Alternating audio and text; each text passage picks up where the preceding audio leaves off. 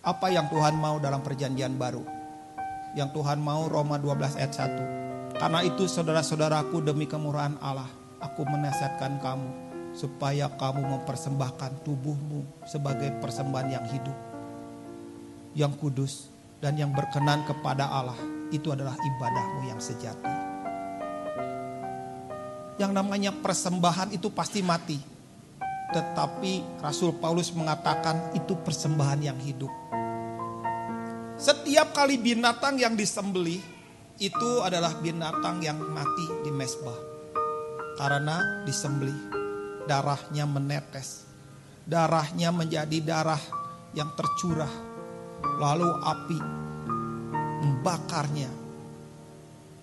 Dibakar dan itu baunya mengeluarkan bau yang harum di hadapan Tuhan dan Tuhan berkenan kepada korban yang diserah yang dipersembahkan. Tetapi Rasul Paulus berkata, ini adalah persembahan yang hidup. Persembahan yang hidup.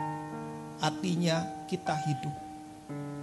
Hidup kita nggak boleh menjadi hidup yang najis. Nggak boleh menjadi hidup yang tercemar.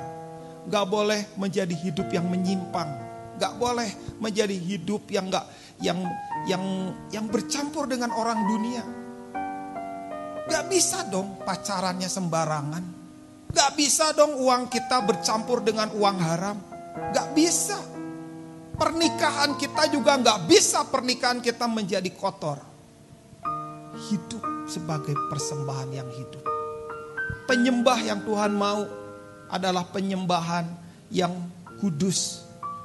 Yang berkenan kepada Allah. Itu adalah ibadahmu yang sejati.